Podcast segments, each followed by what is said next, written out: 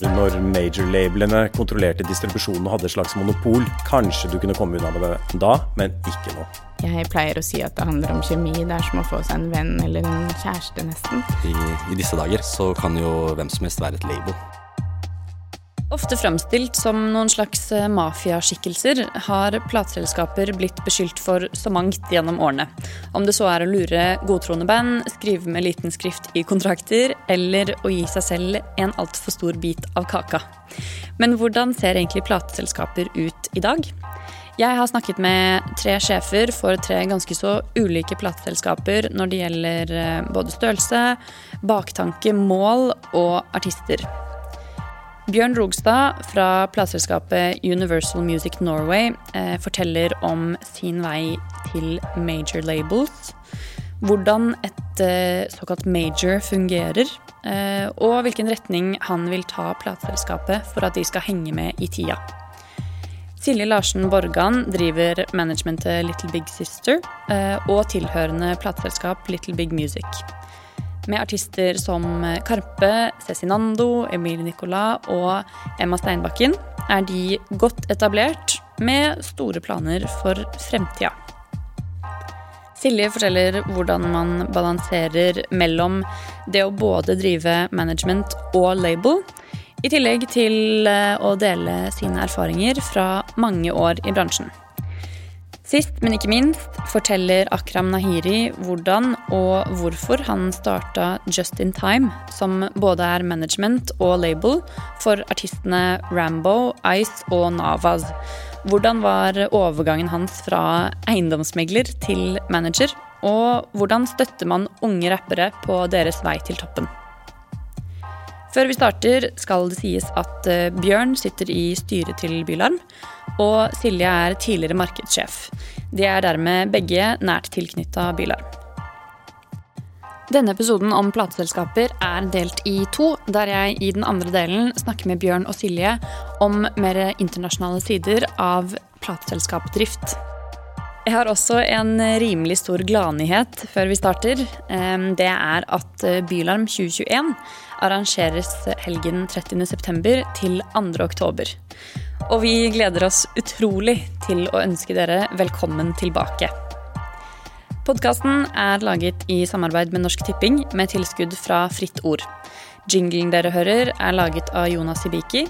Jeg heter Agnes Sten Eckersberg, og dette er Bylarm Backstage.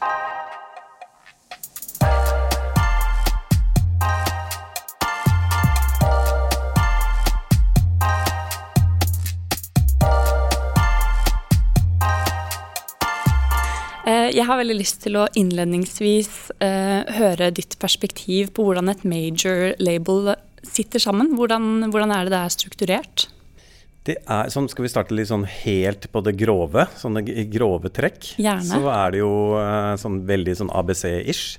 Så er jo en, en major i Delvis driver man med lokalmusikk i det lokale markedet, og delvis så markedsfører vi internasjonalt repertoar i Norge.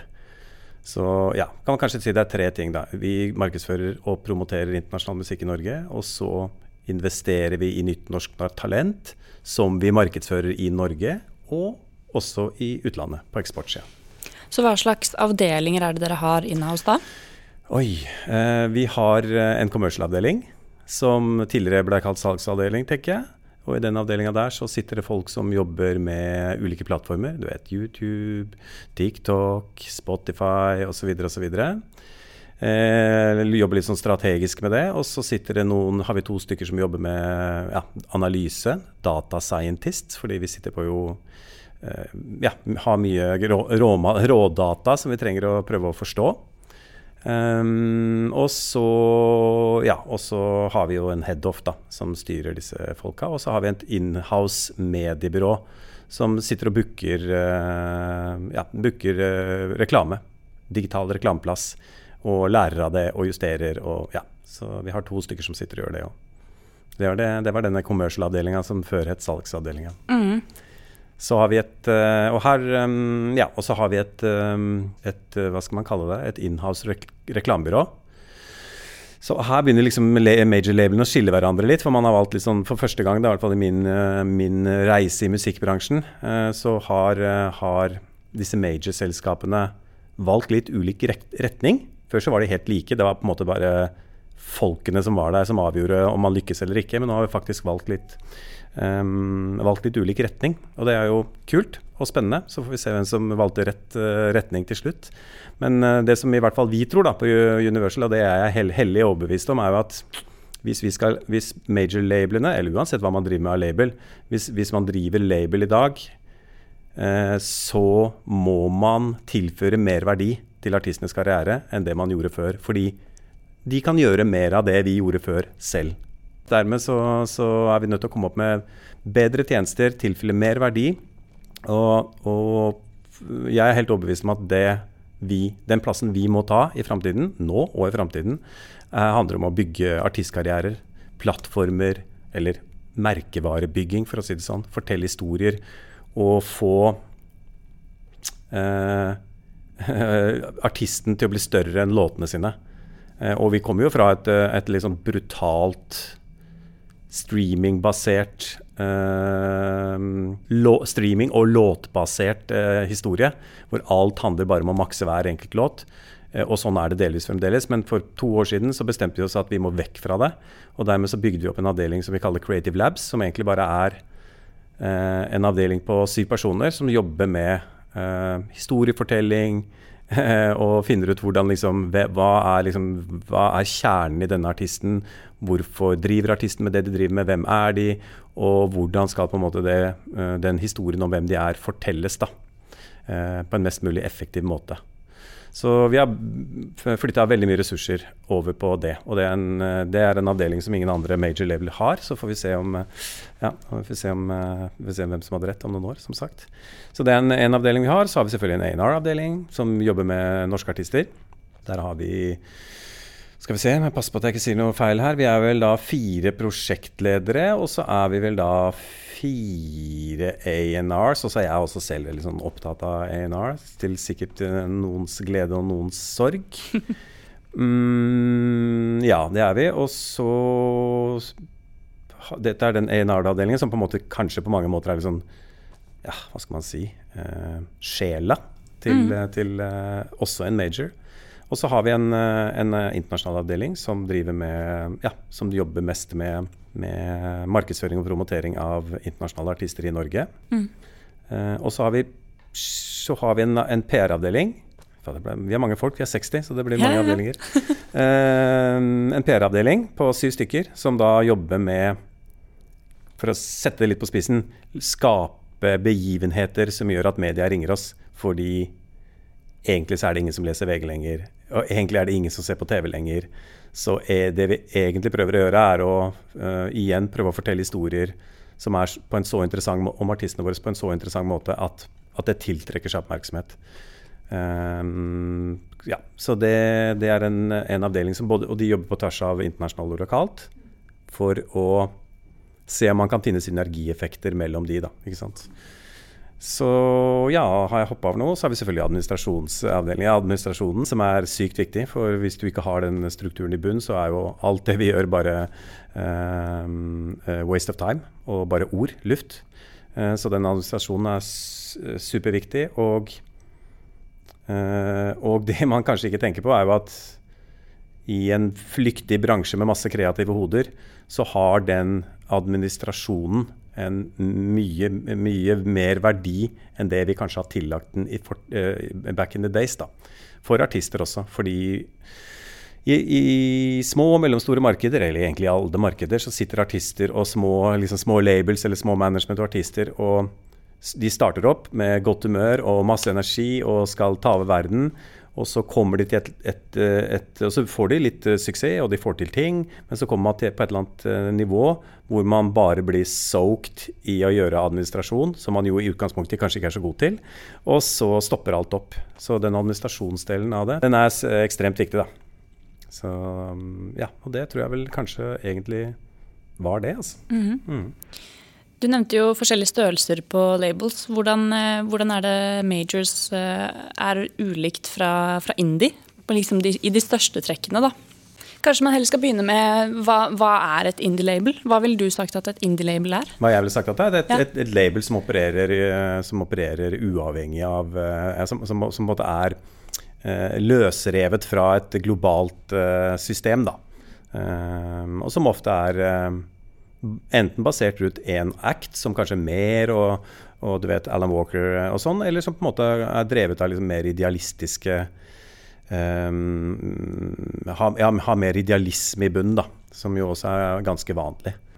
Så det er litt ulikt, uh, ulikt uh, der også. Men det som skiller, er jo selvfølgelig størrelsen. Og, det som, og i bunn og grunn så handler det om at uh, de store major-labelene sitter på eh, kjempestore kataloger som gir, eh, som gir eh, økonomisk fundament til å investere masse penger i norsk musikk. Så det er en ting som kanskje man ikke helt skjønner, og det er hvor mye penger faktisk disse major-selskapene spytter i eh, ny norsk musikk. da. Ja, mange titalls millioner eh, hvert år. eh, som går fra eh, som, som man tjener på internasjonal katalog, og som man da investerer i ny norsk musikk. Hvordan har din vei til major label vært? Oh, shit. Ja, nei, um, altså Jeg var jo en uh, Hva skal man si? Jeg var um, ja, classic sikkert. Veldig, veldig glad i musikk. eh, og visste ikke hva jeg skulle gjøre med livet mitt. Så jeg begynte på skolen, tok bachelor og sånne type ting. Og, eh, og så mm, Ja, så hadde jeg en venn som jobba i den gang da het Polygram, og så fikk jeg en sånn sommerjobb der. Så tenkte jeg shit, må jo være helt perfekt å jobbe med noe jeg liker. Og så Selvfølgelig etter å ha jobba lenge i Posten og sånn, som da fant jeg jo etter hvert liksom ut hva jeg ikke hadde lyst til å gjøre. Eh, selv om jeg ikke visste hva jeg ville gjøre. Og da mm, tenkte jeg nei, nei, det vil jeg gjøre. Og så tenkte jeg med meg selv hva er det jeg ikke er noe god på? Jo, det er å være selger. Ok, da må jeg lære meg det. Så for det hata jeg på en måte. Hva er det jeg hater mest av alt? Så tenkte jeg ok, da må jeg faktisk lære meg det. Så da Det er en interessant tok- strategi. Ja, ja, jeg må faktisk lære meg det. Så da, mm, så da eh, hva, hva, Jo, da var det rett og slett sånn at jeg, jo, det, jeg, jeg prøvde å få masse jobber på om alle labelene, men da skulle du Jeg har aldri vært noe god på sånn B-sider, skjønner du. Hvem spilte bassgitar på den og den låta med Frank Zappa, bla, bla, bla. Jeg har ikke, aldri vært noe god på sånt. Og, og det måtte du være god på hvis du skulle få jobbe i musikkbransjen på den tiden. Hvis ikke så ble det bare, da var det ikke troverdig. Og det at jeg, kom med, at jeg hadde skole og du vet, markedsføringsutdannelse og økonom, økonomisk utdannelse, det turte jeg ikke å si engang. For det var jo du skulle liksom ha vært, Nei, du det var ikke kult. Liksom. Det skulle, du skulle vært på konserter og drikke øl og høre på Frank Zappa. Det var det du skulle. Og hvis du ikke gjorde det, så var det ja, passa du ikke inn. Så det kunne jeg ikke snakke om. Men jeg skjønte at jeg, ok, jeg må i hvert fall lære meg å selge, da, for jeg var jævlig dårlig på de intervjuene. skal sies. Så da begynte jeg på sånn, eh, begynte å selge abonnement på telefon, liksom. Eh, bare på ren eh, provisjon, da. Så da lærte jeg meg det gamet. Og så gjorde tilfeldighetene sånn at det var en telefonselgerstilling ledig i et plateselskap. Og så var jeg selvfølgelig et beist på telefonsalg, så jeg fikk den jobben. Um, ja, og sånn starta det egentlig. Og så skjønte jo jeg veldig høres, Med fare for å høres cocky ut, jeg er ikke meninga å være det, men, jeg, men det, man, da kommer man liksom fra gata inn i, et, eh, inn i en kultur og et miljø som jeg fikk litt sånn sjokk av. Fordi jeg tenkte bare wow, hver gang et eller annet gikk galt, så var det en sånn unison blame game eh, på alle andre enn seg selv. Eh, Så hvis noe gikk galt, så var det media eller butikkene eller eh, ja, ja, journalistene eller radiostasjonene eller Jeg leste til og med et intervju i daværende sjef i et stort major label eh, som sa at eh, det var ikke dem det var noe gærent med, det var norske folk som hadde dårlig smak. Så det var en eller annen derre og, og, og jeg skjønte etter hvert hva det handla om. Det var bare så lett. Man kontrollerte distribusjonen, og, for, og artistene kom og banka på døra. Og hver gang du slapp Pink Floyd eller Beatles, eller hva det var, så klarte du budsjettene dine. Det var så lett. Det var så lett å jobbe i musikkbransjen at eh, folk var ganske dårlige. Så og, ja, og siden jeg alltid har vært en sånn Hæ, hvorfor det? Hvorfor gjør vi det? Hva er det for noe? Kan det gjøres bedre? Så ja, har jeg på en måte bare fått uh, mer og mer ansvar. Ja, egentlig aldri vært en spesielt ambisj... Jeg er ikke sånn Jeg har ikke noe liksom jeg er ikke en sånn The Secret Car som har sittet på og manet fram bilder av meg selv som eh, plateselskapsdirektør. Det er bare det at jeg har vært nysgjerrig og interessert og lurt på hvorfor vi gjør ting som vi gjør, og tenkt at det går an å gjøre ting bedre. Og så har det, det som har, bare, det som har skjedd, har skjedd. Hvor mange år er det du har hatt i major da? Uff, så jeg hadde øh, Jeg er veldig dårlig på år. 50? Nei, jeg vet ikke. 20? Men jeg har hatt noen breaks, da, for jeg, jeg øh, Ja, på et eller annet tidspunkt der så gikk det litt trått mellom meg og han nye sjefen. Så jeg bare tenkte her gidder jeg ikke. Så da starta jeg med i en indie-label, så jeg har gjort det òg. Og da begynte jeg å jobbe med vet, norsk hiphop og, og ja, T-Productions og ja, Sanna Madrugada annet, og samme type ting. da. Og det var det på en måte var frustrasjonen min med major-labelen på den tiden, at de ikke tok subkulturer alvorlig. da. Uh, og at de så på det som liksom uforenlig med det å tjene penger, mens jeg tenkte det motsatte. liksom, Det å fange subkulturer tidlig og, og, og, og bygge artister fra bunn er også god uh, bedriftsøkonomi. Fordi det, det, er forutsigbart, og hvis man har et solid plattform, så har man også uh, forutsigbar økonomi. Mens på den tiden da, så jagde man på en måte bare, sånn som jeg opplevde da, som veldig, veldig lite organisk uh, men veldig sånn oppkonstruert popmusikk eh, som var skapt på liksom major label-laboratoriet. Og man brukte bare masse pøsa på med masse spenn for å teppebombe landet, sånn at folk bare kjøpte det fordi de var hjernevaska, liksom. Det var konseptet. Mens jeg likte, jeg aldri egentlig likt det noe særlig godt. Så da stakk jeg av gårde. Men så ja, masse om og men, og det ble noe, noe beef mellom uh, meg og da han som var direktøren på Virgin, fordi eh, en av managerne manager har tatt med seg Madrugada fra meg til Virgin. Ja, og så masse kål, og så fant han direktøren der ute at nei, vi må bare ansette Bjørn. Og så ja, begynte jeg å jobbe på Virgin, og så ble det EMI. og EMI ble Warner, og da fikk jeg Nå er jeg veldig rask her. Fikk jeg ett års um, De betalte meg masse penger, Warner. Takk, Warner. Masse penger for å, for å holde meg unna i et år, da. Så kjøpte jeg meg fiskebåt og fiska et år ish, mens jeg prøvde å finne ut hva jeg skulle gjøre. Og så begynte jeg på Universal, og der har jeg vært i et eller annet tre år. Et eller annet fem år, kanskje. Mm. Mm. Som oftest må man doble det tallet. ja, ja, ja, jeg var tre år, fem år, et eller annet. Seks år, kanskje. Spør noen andre enn meg. Jeg er dårlig på tall. Men hva er det du legger i disse subkulturene som du syns er så interessante? Jeg tror at jeg har lært at eh, jeg, jeg, jeg, tror at hvis du skal jobbe med, i musikkbransjen med musikk, så må du jobbe med fordommene dine. Fordi jeg har i hvert fall lært, når jeg kikker tilbake i tid, at alle de tingene, alle de bevegelsene, alle de um, Ja, alle de bevegelsene som har oppstått, har på et tidlig stadie blitt møtt med fordommer. Og hvis man, det, det er om det er hiphop som ikke ble tatt alvorlig fordi det bare var white kids liksom, som prøvde å leke, eh, leke gangstere fra USA, og det er fremdeles sånn fremdeles at man blir møtt med de klyp med armen, helt utrolig, med de type fordommene. Eller om det er fra den andre enden, liksom, hva skal man si, russemusikere som blir sett på som på en måte det verste søppelet som, liksom, eh, som kan oppstå. Så jeg på en måte belært meg at alle sånne bevegelser, og vi snakker masse om det på jobben, og jeg er veldig opptatt av, egentlig handler om våre egne fordommer. Da, og fjern de fordommene, liksom. Og, hver, og, hvis du jobber i musikkbransjen, hver gang du ser noe som skurrer, eller gjør litt vondt, eller som du føler du får Oi, nå, nå kommer det noen fordommer opp her. Så skal du bare snu deg og gå rett mot dem og øh, snakke med dem. Fordi du må finne ut hva det er før du snur ryggen til det eller dømmer det. Uh, og det er ofte de subkulturene da, som provoserer litt, som dukker opp og provoserer, som, som, som, skaper de store bølgene. Og de, hvis du jobber med musikk, så må du være der. Det går ikke noe, noe annet er ikke akseptabelt, rett og slett.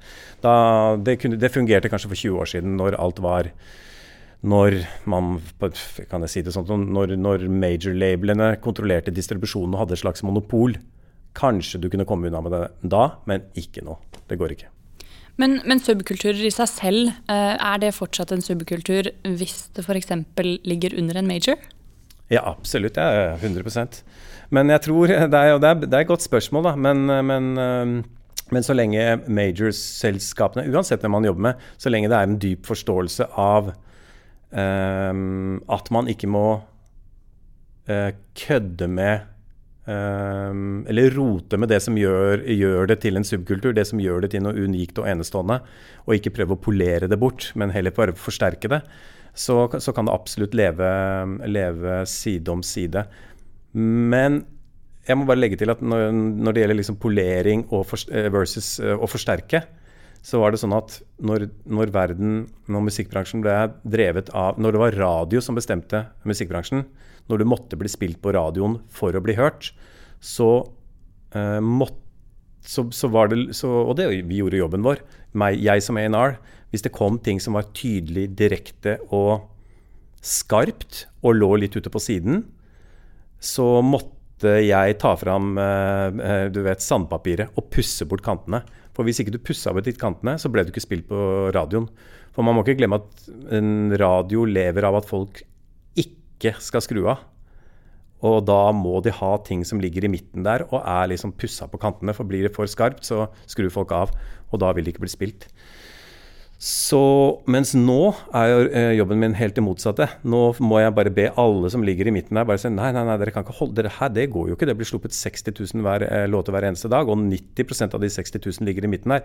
Dere må, dere må ha Dere må tørre å være tydelige, dere må tørre å være skarpe, dere må tørre å være kantete. Dere må tørre å på en måte være direkte, da. Hva det nå måtte være. For hvis ikke dere er det, hvis dere ikke, kom, hvis dere liksom jobber med å uttrykke dere direkte og tydelig, så drukner dere. Så det har jo blitt snudd helt opp, eh, opp ned òg, da. Eh, hele liksom, businessen har blitt snudd helt opp ned. Og min jobb har blitt snudd helt opp ned. Så et eksempel da når jeg signet 6N2, som jeg syns var veldig ja, fete folk, liksom, så så skjønner jo jeg at jeg ikke kan signe 6N2 og prøve å gjøre de stuereine. Eh, de må de må, grunnen til at jeg signet dem, var at de ja, var de gærningene de var. da. Uh, og da må, heller, da må jeg selvfølgelig lov, la dem få lov til å være det. Men du har på en måte litt rett òg, da. Fordi når artister kommer til major-selskaper, så er det veldig mange som tror at de må bli mer kommerse, uten at man egentlig helt har definert hva det å være kommers er. Uh, og så kan det jo hende at det liksom ubevisst At de ubevisst beveger seg i en annen retning enn kanskje det vi vil at de skal også. Fordi vi signa over dem fordi de var de eller den eller hun eller han var veldig tydelige. Og så uh, fordi de har lært det de har lært, eller hørt noen har sagt det, så, så føler jeg at oi, nå er jeg på en major, major, da må det poleres og pusses, da. Men uh, vi jobber med det. Vi jobber med saken. Har du lyst til å debunke noen myter om, om major labels? Uh, ja, det tror jeg er en myte, da. Uh, ja, jeg tror Men jeg kan si alle myter har et sånn snev av sannhet, liksom. Så jeg tenker at um, En myte er jo, at, uh, er jo at vi er noen grådige motherfuckers som, som egentlig bare liksom kynisk utnytter artister og tar alle penga deres. Uh, det er jo en myte. Det er jo ikke min opplevelse av, av Ja, jeg har jobba med, med, det her i 25 år. Jeg har aldri hatt en beef eller en konflikt eller, eller, eller, eller trøbbel med, med, av den sorten, da. men jeg tror kanskje det skyldes at man ikke helt vet hva hva slags type samarbeid man inngår i, og at man helt, ikke helt, kanskje ikke helt forstår økonomien. og at vi er ikke er gode nok til å fortelle, forklare vår plass i denne næringskjeden og hva vi faktisk eh, bringer til bordet. Og, um, ja, og er, vi, er, vi, er, rett og slett ikke gode nok til å forklare det. Men det er nok en av de mytene som jeg uh, En av de mytene som jeg ikke opplever stemme, da. Men samtidig, hvis, hvis du vet, hvis jeg jeg syns at jeg er en fet fyr, og alle andre rundt meg syns jeg er en tulling. Så, og det sånn tror jeg det er med major-leveler òg. Det hjelper ikke at vi syns at vi er helt rå eh, og tilfører masse verdi hvis ingen andre syns det. Så vi jobber hele tiden med det. Det er å gi oss det speilet. Det er ubehagelig, men vi må ha det speilet foran oss hele tiden. Da. Sørge for at vi stiller oss kjipe, vanskelige spørsmål og med vanskelige svar, og, og, skjerper oss og beveger oss og er i Ja, skjerper oss og beveger oss, rett og slett. Så ja, men det er vel kanskje en av de mytene som jeg så En annen myte også, major versus indie-myte. Og det er jo at uh, majorene er så fæle på dealene sine, og indiene er så snille. Men altså Ta en pør og spør Nei, altså. Ja, jeg har sett mye grove indie, dealer fra indie-selskapet. Så er det selvfølgelig sånn at de er små, de har ikke den store katalogen. Og for å kunne overleve, så må de kanskje ha større biter av kaka. Hele kaka, ikke bare innspilt musikk, men du vet, hele kaka. 360 grader for å kunne drive med det de driver med. Men dealene er ikke grovere på major labels enn på indie labels. Altså. Eh, grådigere. De er mye eh, Ja, det man kan jo Det var dagens brannfakkel. Jeg har sett mange, mange drøye eh, indie eh, ja, eh, kontrakter mellom eh, artister og indieselskap. Men vi lever godt ved siden av hverandre, da. Indies og majors har vi alltid gjort, egentlig. Og ja, Den ene og nå er det jo enda mer, enda mer liksom, symbioser mellom indier og label, fordi man ofte øh, jobber sammen. Vi jobber jo masse, men vi jobber med mange indie-labeler. øh, og tilfører de har, gjør, de har et sett med egenskaper og et sett med liksom, skills. Og så tilfører vi enkelte, enkelte egenskaper og enkelte skills og enkelte ressurser. Og så joiner vi forces, sånn at de blir litt sterkere, og vi blir litt bredere. For litt bredere nedslagsfelt. Og noen av de eh, mytene eller fordommene du nevner om majors, er jo kanskje ting som holder på å dø litt ut. F.eks. det med, med at man har eh, et slags enevelde over, eh, over musikkmarkedet. Da. Det går jo, går jo vekk med tiden og med hvordan man konsumerer musikk. Det tror jeg. Det er, demokrati ja, det er sikkert mange som har sagt det 100 ganger før, og det er litt kjedelig å si, men musikkmarkedet er jo demokratisert, sånn at liksom maktbalansen er, er, er, eh, mer på stell enn det var før. Da, og ja, he, du har helt rett, liksom. Hvis ikke vi er skjerpa, hvis ikke vi eh, hele tiden sørger for å stille oss selv ubehagelige spørsmål og, og, og, og gjør noe med de ubehagelige svarene og, og, og forbedrer oss og utvikler oss, så kommer det noen andre å ta plassen vår. Det er ikke noe å lure på. Så det er ikke sånn at det er gitt at det er vi som skal være eh, de som jobber tettest med artisten i framtiden. Det, det er vi hvis vi fortjener det. Og jeg har virkelig tro på den, eh, ja, det at vi går fra å makse enkeltlåter til å tenke helhetlig på artister, da, med alt det det innebærer. Fordi det er der slaget står, og det er den delen av musikkbransjen som mangler. Eh, Det er ingen som tar seg av den rollen nå. Eh, Fordi, vi var inne på det også, små og store, mellomstore management, ikke bare i Norge men i, og i Norden, men kanskje til og med ja, Jeg har jobba med mange rundt omkring i verden. Har ikke nok ressurser da, til å sy sammen de, alle de aktivitetene og alle de plattformene til disse artistene, sånn at det blir helhetlig og dermed eh, tydelig. Så akkurat nå så tenker jeg at den plassen er available. Og akkurat nå så tenker jeg at de med mest ressurser er den, de som er best egnet til å ta den plassen. Da. Så får vi se. Nå har jeg avslørt alle bedriftshemmeligheter til Sony Warner. Du har jo nevnt hiphop veldig mange ganger. Er det Ja. der hjertet ditt ligger? Uh, ja, det er jo det. Uh, ja, det er det, altså. Men jeg tror egentlig hjertet mitt ligger Nei, ja, jeg tror hjertet mitt ligger uh, hos alle de som opererer i utkanten av samfunnet. Jeg tror det er der hjertet mitt ligger. Altså. Er det som gjør at jeg eh, Ja, det er der hjertet mitt ligger. Om det på en måte er eh, liksom Susann Sundfør, eller om det er eh, ja, gangsterrapp, eller om det til og med er til og med russemusikk. da. Men alle de som på en måte Jeg vet ikke, Det er det jeg elsker med musikkbransjen. At det er et sted hvor alle de som kanskje ikke passer inn andre steder, kan få en stemme. da. Og jeg personlig syns det er mye mer interessant å høre på folk som eh, lever på utsiden av samfunnet, enn de som lever helt på innsiden. da. De historiene hører jeg hele tiden. Jeg er ikke interessert i det. Men jeg, jeg syns personlig det er mye morsommere å høre på, og mer interessant og mer lærerikt å høre på alle de stemmene. Og det er det Ja. Det er det, det, er det hjertet mitt brenner for. Og hiphop er jo en del av det.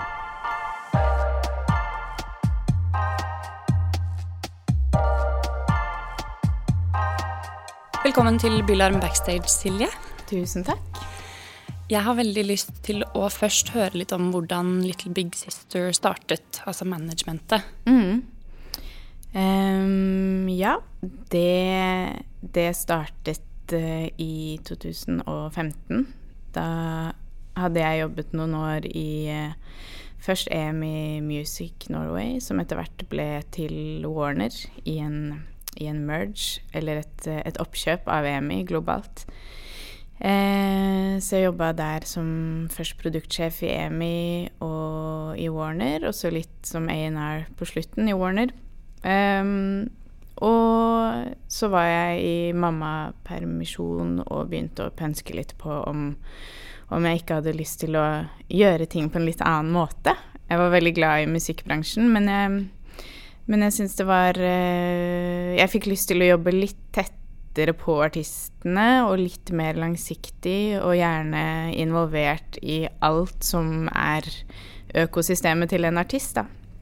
Ikke utelukkende innspillingene, men også eh, live og merch og altså alt som, alt som omslutter artisten og utgjør artisthverdagen, da. Og kanskje hovedsakelig strategien til en artist. Sånn hva Hvilke valg man tar eh, for å oppnå eh, målene man setter seg. Eh, så da tok jeg og pusta dypt inn og sa opp fast jobb, og så starta jeg LBS, eh, altså Little Big Sister, som eh, i utgangspunktet var en slags promo uh, slash prosjektleder uh, frilans-ting.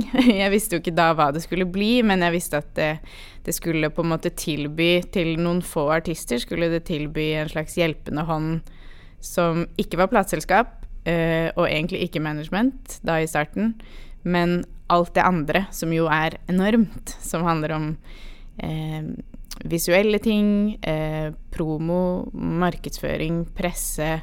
Alt som på en måte er den pakken man opplever, da, i tillegg til musikken. Um, og det Så det startet som um, med noen promoavtaler, rett og slett. Årsavtaler med et par artister. Uh, men sklei ganske raskt over i, i management. Så fra, fra 2017 2017 allerede, så var det vel hovedsakelig management vi drev med. Og det var egentlig bare en sånn naturlig glidning eller utvikling eh, i at vi fikk ta en Fikk tillit og fikk ta en større, større rolle i de artistenes liv, da. Hvilke så, artister var det det starta med, da? Eh, det starta med eh, Karpe og Marit Larsen. Og så var vi innom og jobbet med Eh, Lars Vaular også et par av de første årene. Og Cezinando kom ganske raskt inn. Og, og så ble det da Emilie Nicolas, eh, Sval og senere Gabrielle. Eh, og nå er vi også management for Emma Steinbakken og B-boy og Cam Leon. så det har vært eh, ja, startet uh, med veldig store artister, da, men veldig få. Og så har vi blitt flere ansatte, og så har vi en større gjeng nå med litt forskjellige størrelser på karrierene. Så da dette ble mer etablert, så beveget dere dere videre til eh, label, plateselskap. Mm. Hvordan skjedde denne overgangen, da? Du nevnte jo at du ikke ville gjøre label først. Eh, ja, og det er to forskjellige selskaper. Mm.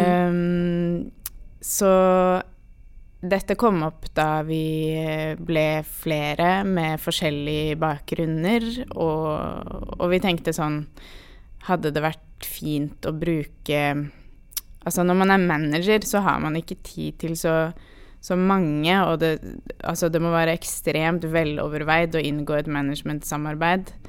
Eh, men vi tenkte sånn Vi har mye kompetanse og erfaring og kunnskap som kanskje hadde kunnet komme til gode hvis vi hadde hatt en label hvor vi kunne tilby noen eh, gode avtaler til noen få artister som er mer i startfasen, da.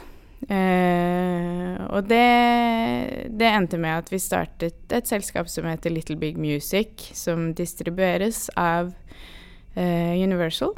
Um, hvor vi eh, signerer artister og jobber med musikken og markedsføringen og, og distribueres da via, via Juni. Um, de er vi da ikke nødvendigvis manager for, så det er på en måte et, eh, et helt annet type samarbeid, da. Hvor vi ikke har uh, det samme ansvaret for, for, alt, men har muligheten til å ja, gjøre akkurat innspillingene og utgivelsene best mulig for en, for en liten gjeng. Og så er det noen som vi da har, som f.eks. Emma Steinbakken, som både er på label og management.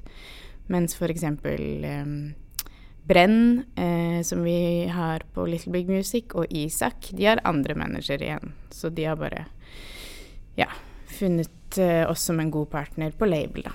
Men hvordan er det dere forholder dere til den overlappen Det, det, kan jo være litt sånn conflict of interest å være både management og label. Absolutt. Eh, det blir jo vanligere og vanligere å, å ha å tilby mye i alle disse nye hybridene av musikkselskaper. Det er veldig viktig med veldig klare avtaler og ikke noe eh, dobbeldipping økonomisk og sånn.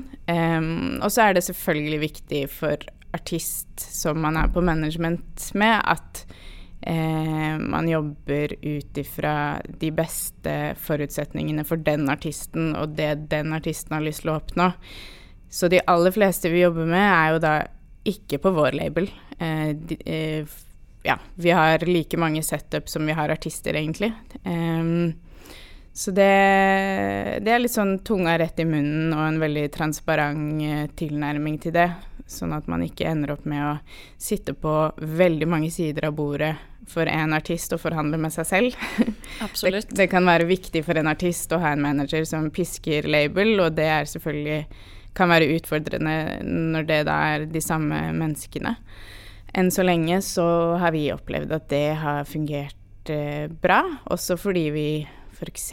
på Emma så har vi jo da et stort team utenfor Norge, hvor hun er signert i, i Sony-systemet, altså via Tyskland og, og USA, mens i um, mens f.eks. med Sval så har hun et publishing-selskap som du sikkert kjenner til, som er Arctic Rights, som jobber med den delen av Sval. Så det er viktig å på en måte ha flere i teamet. Eh, for hvis vi sitter og eh, sitter på absolutt alle sidene, så, så blir det vanskelig. Mm.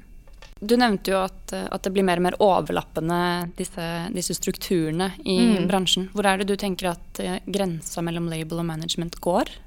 Eh, rent sånn konkret og formelt så går den jo ved at et management eier jo ikke musikken din. Eh, et plateselskap lever av å uh, skape verdi uh, ut ifra uh, innspillinger og fonogram.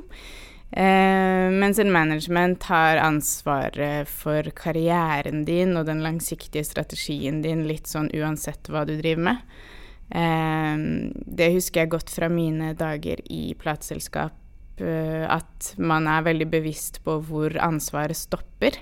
Eh, og der det stopper, så er det et management som må ta over. Hvis f.eks. en artist har lyst til å skrive en bok, eller være med på et eh, teater, eller spille i en film, så, så stopper ansvaret til en label. Men også der har det begynt å bli oversiktlig siden, nei, uoversiktlig, fordi flere og flere store plateselskaper har avdelinger som plutselig kanskje driver med merch, eller bidrar litt på live, eller har en slags managerperson som de kan tilby for artister som trenger det. Så det er eh, Det begynner å bli eh, ja, et litt sånn spindelvev av, uh, av, kunnskap og kompetanse og avtaler som, uh, som jeg skjønner fra utsiden kan virke litt rotete. Men uh, det viktigste er at det er soleklart for den artisten som inngår avtaler, da. Vite hvem som har ansvar hvor, og vite hvor mye betaler jeg for dette, og hvem tar penger herfra, og hvem tar penger herfra. Så det er bare Der er liksom min, min message er å til artistene, da, hovedsakelig. At de må vite hva de trenger og hvorfor, og hvem som er best på label for dem, og hvem som er best som manager for dem. Hvis man er i en, i en posisjon hvor man kan håndplukke teamet sitt litt, så, så er det luksus. Um, jeg pleier å si at det handler om kjemi. Det er som å få seg en venn eller en kjæreste, nesten. Og inngå et så viktig samarbeid. Så det, all grunn til å tenke seg godt om, uansett hvor mange tjenester som ligger i det selskapet du forhandler med. Artistene deres uh, er jo av forskjellig størrelse um, og, og, bredde. Uh, hvordan er det de ulike apparatene kan se ut rundt artistene? Ja, det er, uh, det er mange forskjellige vrier på det. Nå uten å gå inn i veldig sånn detaljerte ting, så kan vi jo uh, si at f.eks. Emilie og Gabrielle de har uh, lisensavtaler med labels som ikke er vårt. Um, Emilie har jobbet i flere år nå med Warner og hatt det som plateselskap. Uh, imens Gabrielle har uh, hatt litt forskjellige varianter med Universal. Uh, og så har de også management, og så har de booking, som jo er et tredje selskap. Um, og det er vel altså ett selskap på management, ett selskap på label og ett på booking er vel grunnpakken egentlig for alle mm. vi jobber med. Eh, så har vi Karpe, som vel kanskje har det aller, aller største teamet, hvis man skal telle mennesker, eh, som jo da har Karpe selv har jo flere, flere selskaper for flere typer eh, økonomier. Og ganske mange ansatte eller tilknyttede i de forskjellige delene av merch. Og de har også en De har jo nå kontroll over egen katalog, og den ligger hos en distributør som, som vi i LBS forvalter og administrerer. Um, mens de har et eget selskap for live og et eget selskap for, uh, for innspilt og så har de da også uh, et hus i Skien hvor det jobber noen, og ja, det er ganske sånn utypisk eh, Den totalen til Karpe skiller seg vel fra uh, ganske mange. Men, men, uh, men, det vanligste for de vi jobber med, er å ha manager et sted, label et sted og, og, og booking, da. Og så er det jo sånn de små, eh, de vel så viktige rollene, men som regel kanskje er bare en person som er tilknyttet. Det er jo mer sånn en fotograf, eh, en designer, eh, kanskje en stylist, kanskje en som filmer. Um, ja, alle de tingene der. Det er ikke alltid at det er ting som um, er knyttet sammen i ett selskap, men det kan være mer frilansere eller enkeltpersoner. Da, man Dere har ikke en inhouse makeupartist? uh, det hadde vært noe. Nei. Nei, og det makeupartist er det vel ingen av våre som har eh, fast. Men, men, det blir jo litt mer sånn Det blir ofte sånn prosjektbasert jobbing. At vi ringer rundt og sier nå skal vi lage album igjen med Emilie eller Gabby eller Cezinando, og så har vi en liste over de rollene vi mangler for å få det på plass. Og så gjør vi prosjektet, og så avsluttes det. Og så kanskje artisten går litt i dvale til neste runde, og så tar man den nye runden igjen. Og så er det noen man jobber med flere, flere ganger. Og for Karpe sin del har det vært ganske likt team i veldig, veldig mange år. Mens eh, hos andre så kanskje man eksperimenterer litt. Det er jo litt sånn i starten av karrieren så leter man gjerne litt og tester litt forskjellig før man liksom finner god, god gjengen.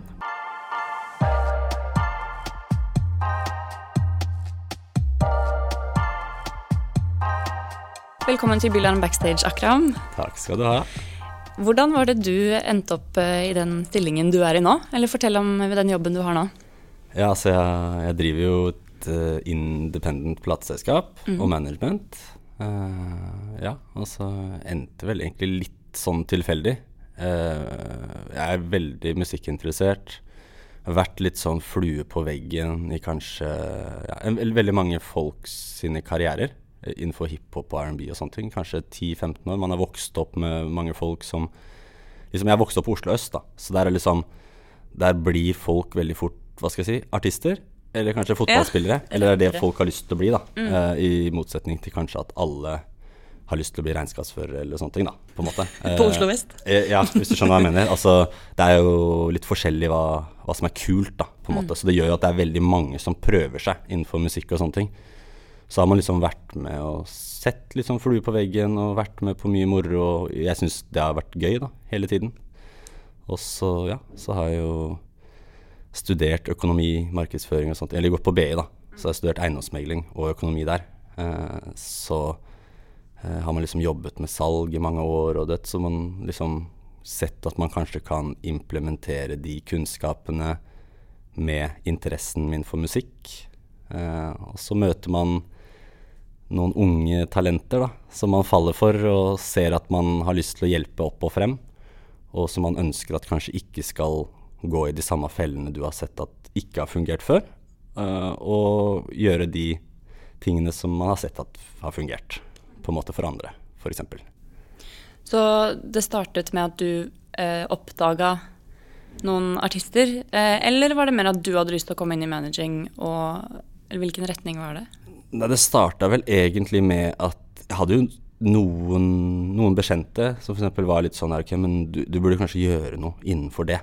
Liksom et eller annet noe. I stedet for liksom at Man begynner å liksom være på hva skal jeg si, bransjefester, eh, liksom. Og, og, ting og tang. Man begynner å liksom bli invitert på ting og tang. Man blir med på ditten datten. Og så får man liksom det spørsmålet gang på gang. Sånn, hva, hva gjør du da?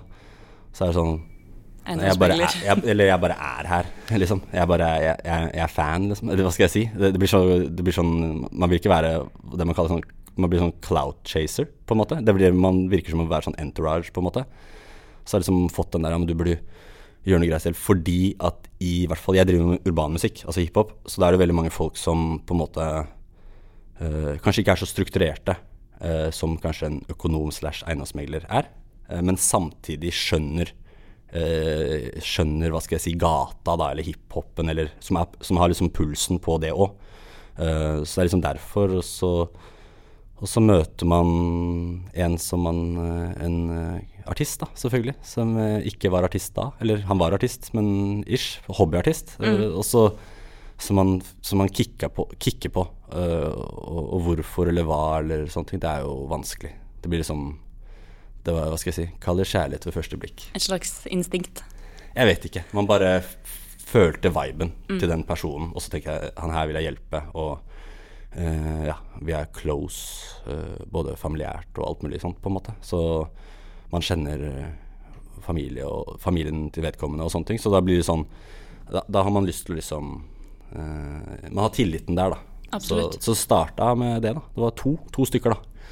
En produsent og en artist. Så begynte der. Og så tok jeg med de på en ferie.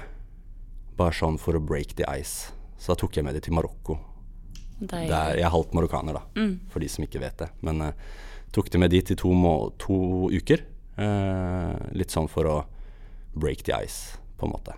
Rett og slett bare sånn bli Jeg er, my jeg er mye eldre enn de. Uh, så bare at vi lander litt på kompisnivå, så slipper jeg å være en sånn derre Kall det en sånn bransjekaraktig, som drar fram liksom noen kontrakter og noe papir. Og noe penn og signer Nei, det blir så rart. Vi må liksom ned på, ned på bakkenivå. Uh, ja. Og da begynte du som management? Ja, det var det. Eh, hovedsakelig management eh, i ett år. Hvor vi gjorde det. Det var egentlig hele 2019. Så var det hovedsakelig management. Og da liksom da var det vår lille familie som bare var management, og vi lagde musikk, men vi, vi slapp ingenting. Mm. Uh, det var liksom bare å bli bedre på å lage musikk. Både produksjon for produsenten og låtskriving og artisteri for artisten. Uh, og diverse, selvfølgelig diverse spillejobber og diverse sånt hele veien. Men uh, ja, også når vi skulle begynne å slippe musikk sjæl, så valgte vi å gjøre det sjæl. Mm. Og da blir jo det managementet også et plateselskap, bare fordi vi slipper det sjøl. Men hvordan var den, den, overgangen? Hva er det som skal til for at dere da ble et label? Det som er greia nå, er jo det at uh, i, i, disse dager så kan jo hvem som helst være et label. Uh, for det er jo når du sender låta via en eller annen det som kalles aggregator, da, altså disse distribusjonsplattformene. Uh, så skriver du bare, så står det jo et tomt felt, label, så skriver du hva du vil.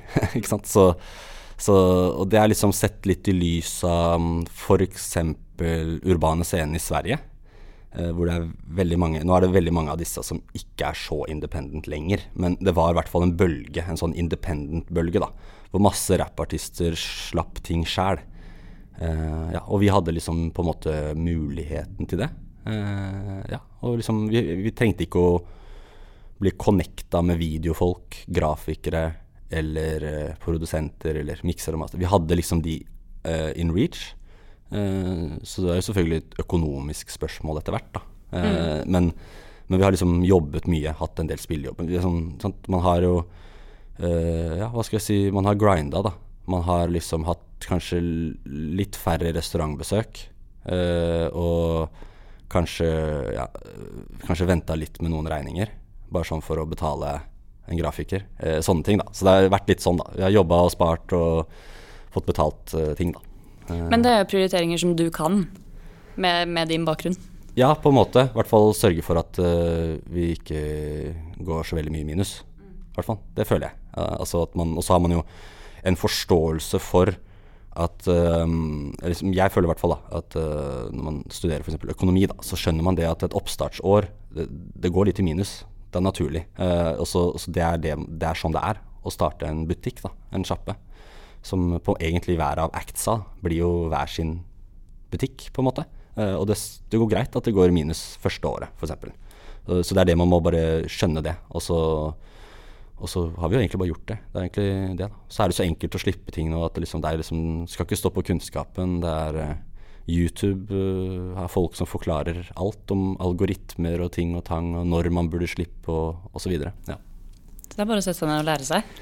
Ja, det er, ja, ja, det er jo det, da. Det er, uh, nå er det blitt så lett. Nå kan hvem som helst slippe hva som helst.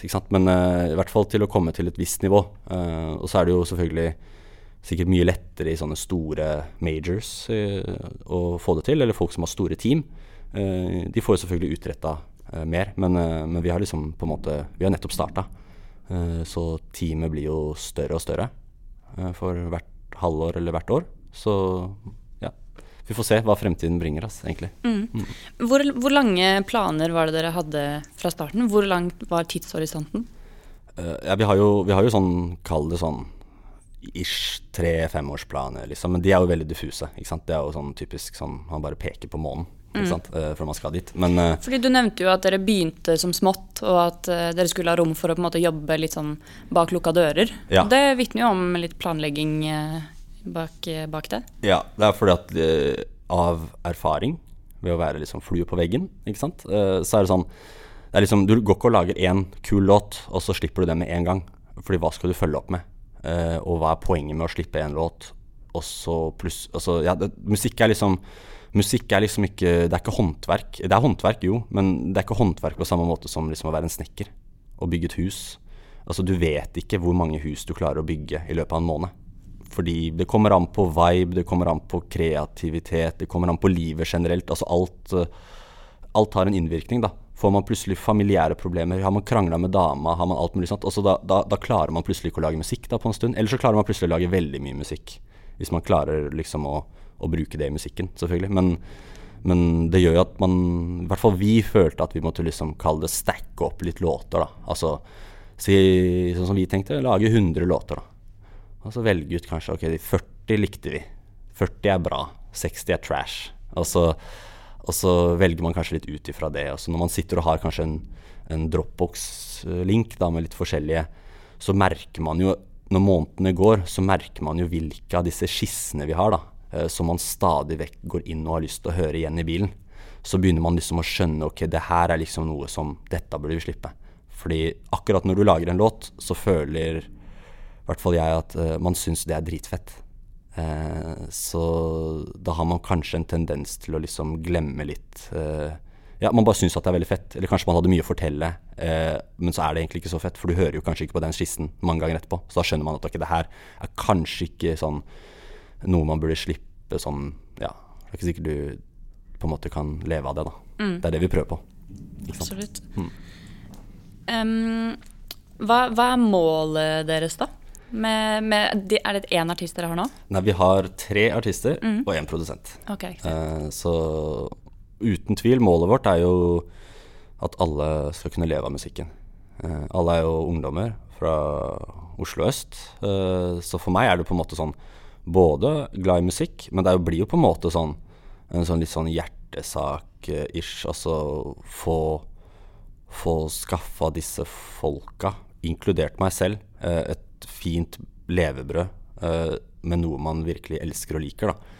Så man slipper liksom Så vi alle, i hvert fall folk som har f.eks. For foreldre med innvandrerbakgrunn, da, uh, så, så, har man jo selvfølgelig vokst opp med kanskje foreldre som jobber for å betale regninger og tak over hodet og mat, men kanskje ikke uh, noe man elsker og liker på samme måte. Og kanskje nødvendig Det er veldig vanlig da, at innvandrerforeldre, da, eller den generasjonen, jobber med noe de ikke har interesse for. Eh, du ser jo folk som egentlig kanskje har interesse for medisin, kanskje har vært leger, men som jobber som taxisjåfører eh, i Norge livet ut. Eh, og, og, det tror jeg liksom gjelder veldig mange av også artistene jeg er manager for. Eh, og det er det jeg ønsker for dem, da. Hva slags planer er det dere har lagt fremover, da? Eh, ja, vi pleier ofte å legge sånn ish, kall det årsplan. Eh, Som er litt mer konkret? ja, litt mer konkret på uh, releaser. Uh, ish-datoer. Uh, med slingringsmonn, så klart. Uh, ish-videoideer hvis vi har det. Eh, ja, gjesteartister hvis man har det. Altså man har ish en plan der. Om man skal ha prosjekter, singler. Altså hva man skal gjøre da neste år. Og eventuelt hva da. For da har vi som regel det klart. Ikke sant? Altså sånn for eksempel alt det vi skal slippe i 2021, da. Det, det, det er klart allerede. Det er ferdig. Eh, så det vi jobber nå med, er jo det som skal ut i 2022. Og så vil vi jo ikke planlegge konkret hva som skal skje i 2022, fordi vi vet jo ikke hva vi lager i år. Så vi vet jo ikke hvor mange låter det er som passer sammen, altså prosjekt f.eks., eller eh, hvordan låtene blir. ikke sant? Så blir det bare eh, sippelåter ikke sant? eh, som vi lager i år pga. korona eller sånne ting, da har jo ikke vi noen sommerlåter til neste år. Eksempel, da. Men, eh, men det, er jo, det er jo sånn jeg, vi tenker, da. Så er det vanskelig kanskje å lage en sommerlåt på vinteren. Så lager vi kanskje sommerlåtene for neste år i, i sommer i år, eh, og sånne ting, da. Det er, eh, det er egentlig litt sånn, da. Ja. Men hvordan har året som har gått vært for dere, da? Er det mange planer som liksom har eh, ikke gått gjennom, eller har det vært helt 100 greit? Ja. Eh, 100% eh, altså, Spesielt for artister liksom, i oppstartsfasen, så er det jo naturlig at man eh, ja, Man vil gjerne ha et lite promoløp. eh, gjerne promorunde når man skal slippe. Det blir litt vanskelig eh, på Zoom, liksom, hvis du skjønner. Eh, og så konserter, eh, uten tvil. Eh, mange av mange artist, de artistene jeg eh, er manager for, da, eller de artistene våre, så er jo, er jo veldig gode live. Eh, så det er ofte deres sterke side som på en måte eh, gjør jo sant, eh, at artister skiller seg ut til det bedre, da. og også får spredd musikken mer. Altså hvis publikum får minner med en låt, da, så vil jo den låta sitte mye mer, og kanskje da streame mer. og man får liksom lagt et mye større fotavtrykk. Så det har vi mista. Og så er det inntektene.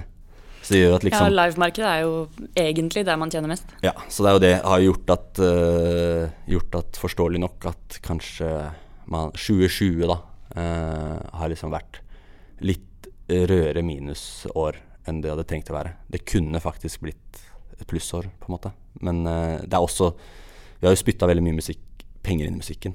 Egne midler og sånne ting som vi har gjort. Det er også fordi at vi har hatt såpass troa på at de pengene skal komme kjapt tilbake. For det trenger jo bare et par konserter, så har vi fått det tilbake. Ikke sant? Men, men det har latt vente på seg. Men uh, det som er fint, uh, vi driver jo eget, så musikken eier jo vi, og, og, og kan liksom man tjener på resten av livet vårt, og barna våre og barnebarna våre. Ikke sant? Så, dette, så det går fint. Det kommer tilbake. Du nevnte tidligere at eh, det er flere og flere indie-labels som kjøpes opp, eller som jobber i samarbeid med større labels. Ja, I Sverige i hvert fall har det vært eh, Eller man har jo merka det. Man har jo det her også i, i, i flere situasjoner. Men eh, hvordan ser du på det, med sånn indie-label som kommer med fra undergrunnen og sånn, som blir kjøpt opp? Hva tenker du om det? Nei, så det kommer veldig an på. Det, må jo være, det er jo individuelt for hver enkelt indie-label. hva som, ikke sant? Det er jo helt forståelig. Har man ikke mer midler, eksempelvis kroner å, å rutte med, da, da, stopper jo opp, da stopper de opp. Uh, på en måte. Da får du ikke betalt noen ting, og da får du ikke gjort noen ting. På en måte. Det, er jo, det, det er jo en økonomi som må gå rundt i musikken også, så det er helt forståelig. Eh, ellers er det, det er flere varianter. Du har, du har jo jeg vet i hvert fall i Sverige så har det sikkert fungert bra. Det er jo lurt det kanskje for noen for å ta ting til det neste nivå. Eh, men har man liksom alt til, til rette, eh, sant? og konserter og det går, går rundt og ting og tang, så, så kan man jo gjøre ting sjøl. Men det er jo vanskelig det òg, da. Eh, så det er jo i hvert fall innenfor den sjangeren eh, jeg driver med, da. I hvert fall. Har du noe du vil eh, promotere på de siste minuttene? Hva er det som skjer eh, med Just in Time fremover? Eh, jeg anbefaler alle å, å sjekke, sjekke ut YouTube-kanalen vår. Sjekke ut eh, artistene våre på Spotify. Mye bra musikk som ligger der allerede. Og så kommer det Det kommer noen overraskelser eh, om ikke så altfor lenge. Fett. Takk for at du ville være med i Bylarm Backstage. Takk skal du ha. Stay tuned for del to av denne episoden, der jeg snakker med både Bjørn og Silje om de mer internasjonale aspektene ved det å drive et plateselskap. Takk for at du hørte på denne episoden av Bylarm Backstage. Vi ses på Bylarm 30.9. til 2. oktober.